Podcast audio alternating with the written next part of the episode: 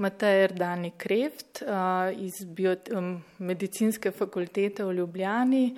Predavam predmet biologija celice za študente medicine in tudi druge, nekatere druge študente na Ljubljanski univerzi, mikrobiologe, biokemike. Ja, dobro, začniva na začetku, po mojem je najbolje, ne, če začnemo pri osnovi, da smo sploh vedeli, o čem govorimo. Kaj je autofagija? Ja, autofagija je v bistvu izhaja iz grških besed auto, kar pomeni svoj, lasten, fagija pa je jestja. Ne? In v bistvu iz tega izhaja autofagija je pravzaprav, da celica svoje lastne sestavine razgradi in jih ponovno uporabi. Gre za neke vrste reciklažo um, večjih molekul, tudi organelov znotraj celice. Za kakšne stvari gre? Ne? Vemo, da celice propadajo, da celice pač uh, odpadajo z telesa, uh, vemo, da se regeneriramo, ampak uh, kako ta autofagija poteka? Nek, predstavljam si ga kot nek proces znotraj telesa oziroma pač znotraj celice. Ja, v bistvu lahko rečemo, da je to pravzaprav en zelo pomemben program, ki omogoča preživetje celice. In verjetno se je v evoluciji tudi uh, zaradi tega razvil, da v bistvu omogoča celici preživetje v nekih ekstremnih razmerah. Recimo en tak primer je stradanje oziroma pomankanje hranil v okolju in takih razmerah celica lahko v bistvu lasne sestavine, ki jih ne potrebuje, ki so odvečne ali poškodovane, razgradi, razgradi jih potem v posebnih tovarnah za razgradnjo znotraj celice v lizosomih in potem te osnovne gradnike ponovno uporabi. Pravzaprav, če gledava iz družbenega, kaj to pomeni za nas, za družbo, kaj se iz tega lahko naučimo, je tudi to, kako dobro znajo celice že same reciklirati strukture snovi. Ne? Mi pa recimo, da smo se lotili reciklaže odpadkov v zadnjih desetih letih bolj intenzivno ne? v tej no, novejši družbi. Ta razgradnja ne poteka v celici, se pravi, gre za neke vrste celični metabolizem ali se te molekule potem vem, prestavijo po drugih strukturah po telesu. Kako, pač, ne, recimo, če date en primer, ne, nekaj, omenila sva neko stvar, neko, nek organel ali pa nekaj, nekaj podobnega v celici, ki je ne rabimo, ne, ki je trenutno ne potrebujemo. Recimo, ne. Kaj se zgodi, kam potuje, kako se razgradi. Ja, v bistvu je tako. Ne? Če pogledava enega izmed celičnih organelov, mitohondri. Mitohondri je v bistvu organel, ki oskrbuje celico, ima več funkcij, ampak ena njegovih glavnih je, da oskrbuje celico z energijo, da lahko v bistvu se vse ostale um, procesi, reakcije v celici odvijajo. In če se v mito, mitohondri poškoduje, če pride do okvare teh mitohondrijev, potem celica s pomočjo autofagije te mitohondrije razgradi. Kako se to zgodi? Um, mitohondriji so na nek način tisti, ki so poškodovani, označeni in jih potem ovijajo membrane, znotraj celice, ki izhaja iz enega drugega organela in ta mitohondri postopoma ovijajo, obdajo, tukaj sodeluje več molekul, ki, katerih zapis je v genih, ki jih je letošnji Nobelov nagrajenec tudi prvi dokazal in dokazal tudi njihovo delovanje. In ko ta membrana, dvojna membrana pravzaprav obda poškodovan mitohondri, gre tak vezikl, mešiček z mitohondrijem v poti v razgradnjo. In sicer se ta mešiček zlije še z lizosomom oziroma njegovimi enci, encimi iz lizosoma vstopijo v ta večji, rečemo, autofagosom, ne, ker v bistvu zdaj v notranjosti njega je nek poškodovan mitohondri in potem ti encimi mitohondri razgradijo na osnovne gradnike in ti osnovni gradniki, recimo organske molekule, gredo iz tega končnega organela, ne lizosoma, v katerem je razgradnja potekla do konca, v, nazaj v citoplazmo celice, torej v citosol, kjer se lahko ponovno uporabijo. Še vedno smo v celici. Še vedno smo v celici. Še vedno smo v celici. Torej, Ja, avtofagija je proces, ki se dogaja znotraj celice. Pravi, je narobe, je prav, če si predstavljamo ta um, avtofagosom kot um, nek tak izoliran kompostek oziroma nek uh, prebavni sistem izoliran znotraj celice, taka ena, ne vem. Mešiček sva rekla. Ne? Ja, lahko si avtofagosom predstavljava v bistvu um, kot en tak izoliran, kot ste rekli, kompost, uh, ki pa se združi še, ključno je, da se združi oziroma v končni fazi uh, z lizosomskimi encimi, da nastane organel lizosom, ki je pa tisti, v katerem pravzaprav ta razgradnja čisto teh osnovnih gradnikov tudi poteče. Se pravi, avtofagosom mora, se mora zliti z lizosomom, da ta razgradnja poteče do konca. Torej, vedno pri avtofagiji imamo v končni fazi tisti razgradni organel uh, lizosom. Kaj je lizosom? Ja, lizosom je kot ena v bistvu um, tovarna za razgradnjo znotraj celice. In v lizosomih se razgrajujejo lahko tudi določene molekule, ki, toksične molekule, ki v celico vstopijo od zunaj, lahko tudi patogeni mm, in, in poškodovani organi, strukture, ki jih celica ne potrebuje več. Temu pravimo fagija. Temu rečemo fagija, tako. Ja, zdaj pa, če se premaknemo uh, k našemu Nobelovemu nagrajencu. Um, omenili ste že uh, deloma namignili no, na to, kaj je ključno pri njegovih odkritjih, pri njegovih najdbah in uh, pojasnilih v zvezi z delovanjem autofagije. Um, ampak tako, v dveh, treh točkah, uh, kaj je tisto, ob čemer ste recimo vi kot uh, nekdo, ki zelo ve, zakaj gre, ne, uh, ko ste obrazložitev brali, ne, pa kot nekdo, ki slučajno izhaja iz institucije, kjer ste se z autofagijo že ukvarjali v preteklosti, pred desetletji. Um, kje ste si rekli, da to je pa tisto, ne, zaradi česar ne, je preskok? Ja, v bistvu je tako, ne, ker, um, ker je bilo pomembno z njegovimi odkritji, um, njegovo odkritje je predvsem pripomoglo, da se je sam mehanizem autofagije um, razkril s pomočjo ključnih genov in njihovih proteinov, ki so v bistvu in njegovi eksperimenti so pravzaprav pokazali, kako se autofagija znotraj celice um, izvrši. In določeni uh, homologi genov, ki jih je Nobelov nagrajenec odkril, so prisotni, torej podobni tudi pri večceličnih organizmih, ne samo pri enoceličnih eukariontih, kot so gljive, ampak tudi eh, pri ljudeh, kar je zelo pomembno tudi za uh, diagnostiko, se pravi določenih boleznih, kjer ima autofagija tudi pomembno vlogo. Ne? In sicer autofagija je lahko pri določenih vzrok za nedelovanje oziroma uh, Eh, slabšo, spremenjeno avtofagno aktivnost je lahko tudi vzrok za določeno eh, bolezen. Naš Nobelov nagrajenec je delal na gnivah, na, na kvasovkah.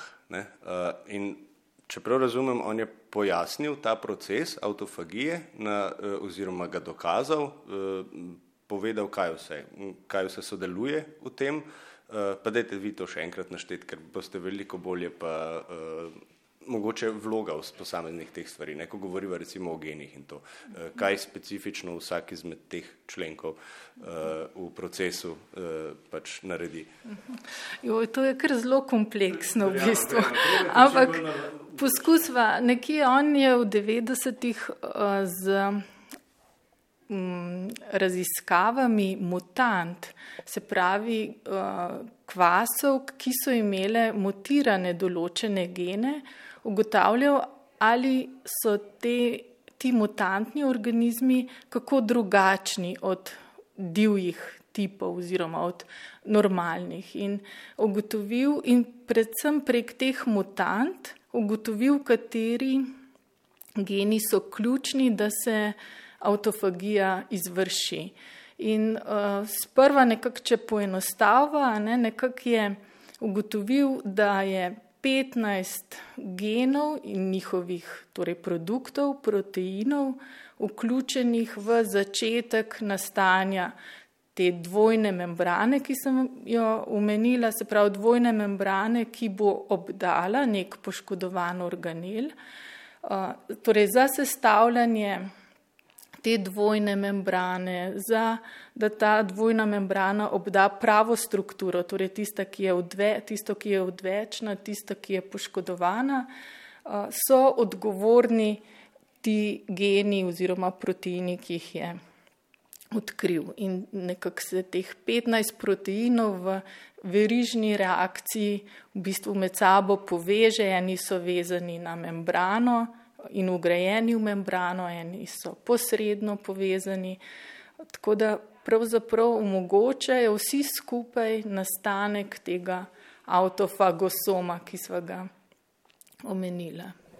Posrečilo, ne posrečilo, zelo napačna beseda. Uh, uspelo mu je najti z manipulacijami genov, permutacijami in kombinacijami pravo kombinacijo uh, teh, uh, ki sodelujejo. V, v, pač, govorimo o večceličnih organizmih, ne le o ljudeh, ne le o katerikoli živali. To je vse posod tako.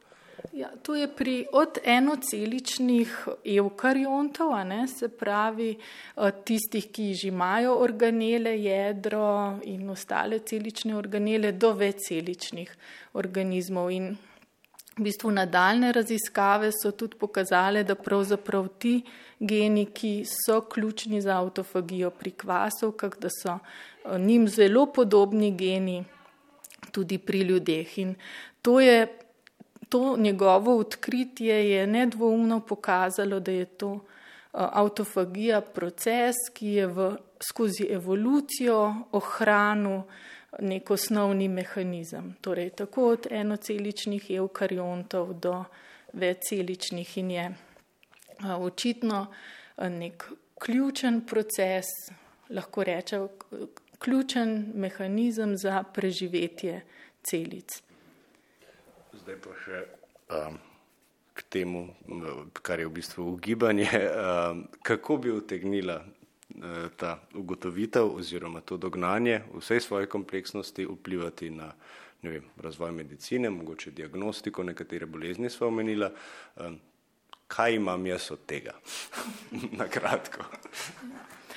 V bistvu neko zavedanje, da pravzaprav je proces autofagije tisti, ki je za celico, zdravo celico, zelo koristen, da se uh, dogaja venomer. Zato, ker um, recimo, tole, lahko tole spustiva.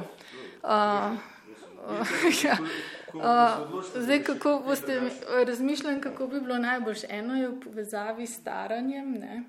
Uh, ker če je avtofagija. Um, V bistvu je avtofagija za nas pomembna iz večjih vidikov.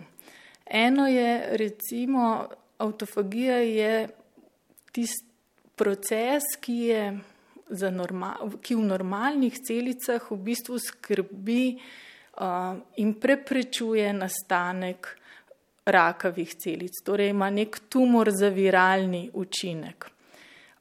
Nažalost ima v nekaterih rakavih celicah, če je, te, um, če je autofagije pa premalo, pa ravno nasprotni učinek, ker povečuje njeno malignost, ker v uh, rakavih celicah, če se, če se ti geni, ki smo jih prej omenjala, uh, spremenijo, uh, mutirajo, vemo, da recimo kar prek od nekje od 40 do 75 odstotkov raka na dojkah, na prostati in jajčnikih ima ukvarjen, imajo celice ukvarjen gen, ki sodeluje pri autofagiji. In če je ta gen ukvarjen, je autofagije manj. In posledično se v celicah kopičijo poškodovani organeli, med njimi tudi mitohondriji. In mitohondriji so na nek način uh, tudi vir reaktivnih kisikovih zvrstin, nekih prostih radikalov. In če so ti mitohondriji poškodovani, lahko ti prosti radikali uhajajo ven iz mitohondrijev v celico, v njeno jedro, torej tudi lahko poškodujejo DNA, kar poveča še in dela še nove spremembe v teh celicah. Se pravi, lahko poveča malignost nekih rakavih celic. Uh, torej, z boljšim razumevanjem avtofagije, ne, ki je tudi eden ključnih procesov pri tvorbi in spopadanju telesa z uh, tkiva z rakavim tkivom, ne, uh, bi lahko potencialno Ja, bi potencialno lahko našli neko, ustrez, neko ustrezno, neko učinkovino, ki bi lahko povečala autofagijo v teh celicah, odstranila poškodovane organele. Včasih tudi, ko je ta autofagija zelo povečana, to lahko sproži celično smrt, kar je zaželeno. Ne? Želimo, da rakave celice odstranjujemo. Pogosto imajo rakave celice so tako spremenjene, da se tej celični smrti izogibajo. In to gre ravno potem. To neravnovesje, neravnotežje, več celičnih delitev, manj celične smrti povzroči rast nekega tumorja. Autofagija je torej zelo važna, da se v celici in v celem večceličnem organizmu ohranjuje neko ravnotežje, neka homeostaza. Okay. To smo pri rakavih obolenjih, e, še kaj? Recimo nevrodegenerativne bolezni, pri njih je, se pogosto kopičijo določene beljakovine, torej proteini, v skupke. Torej dobimo neke agregate, skupke beljakovin, ki lahko ovirajo znotraj celične procese, transporte znotraj celic nekako zmanjšujejo funkcionalnost tem celicam in normalno celice z autofagijo lahko te skupke razgradijo.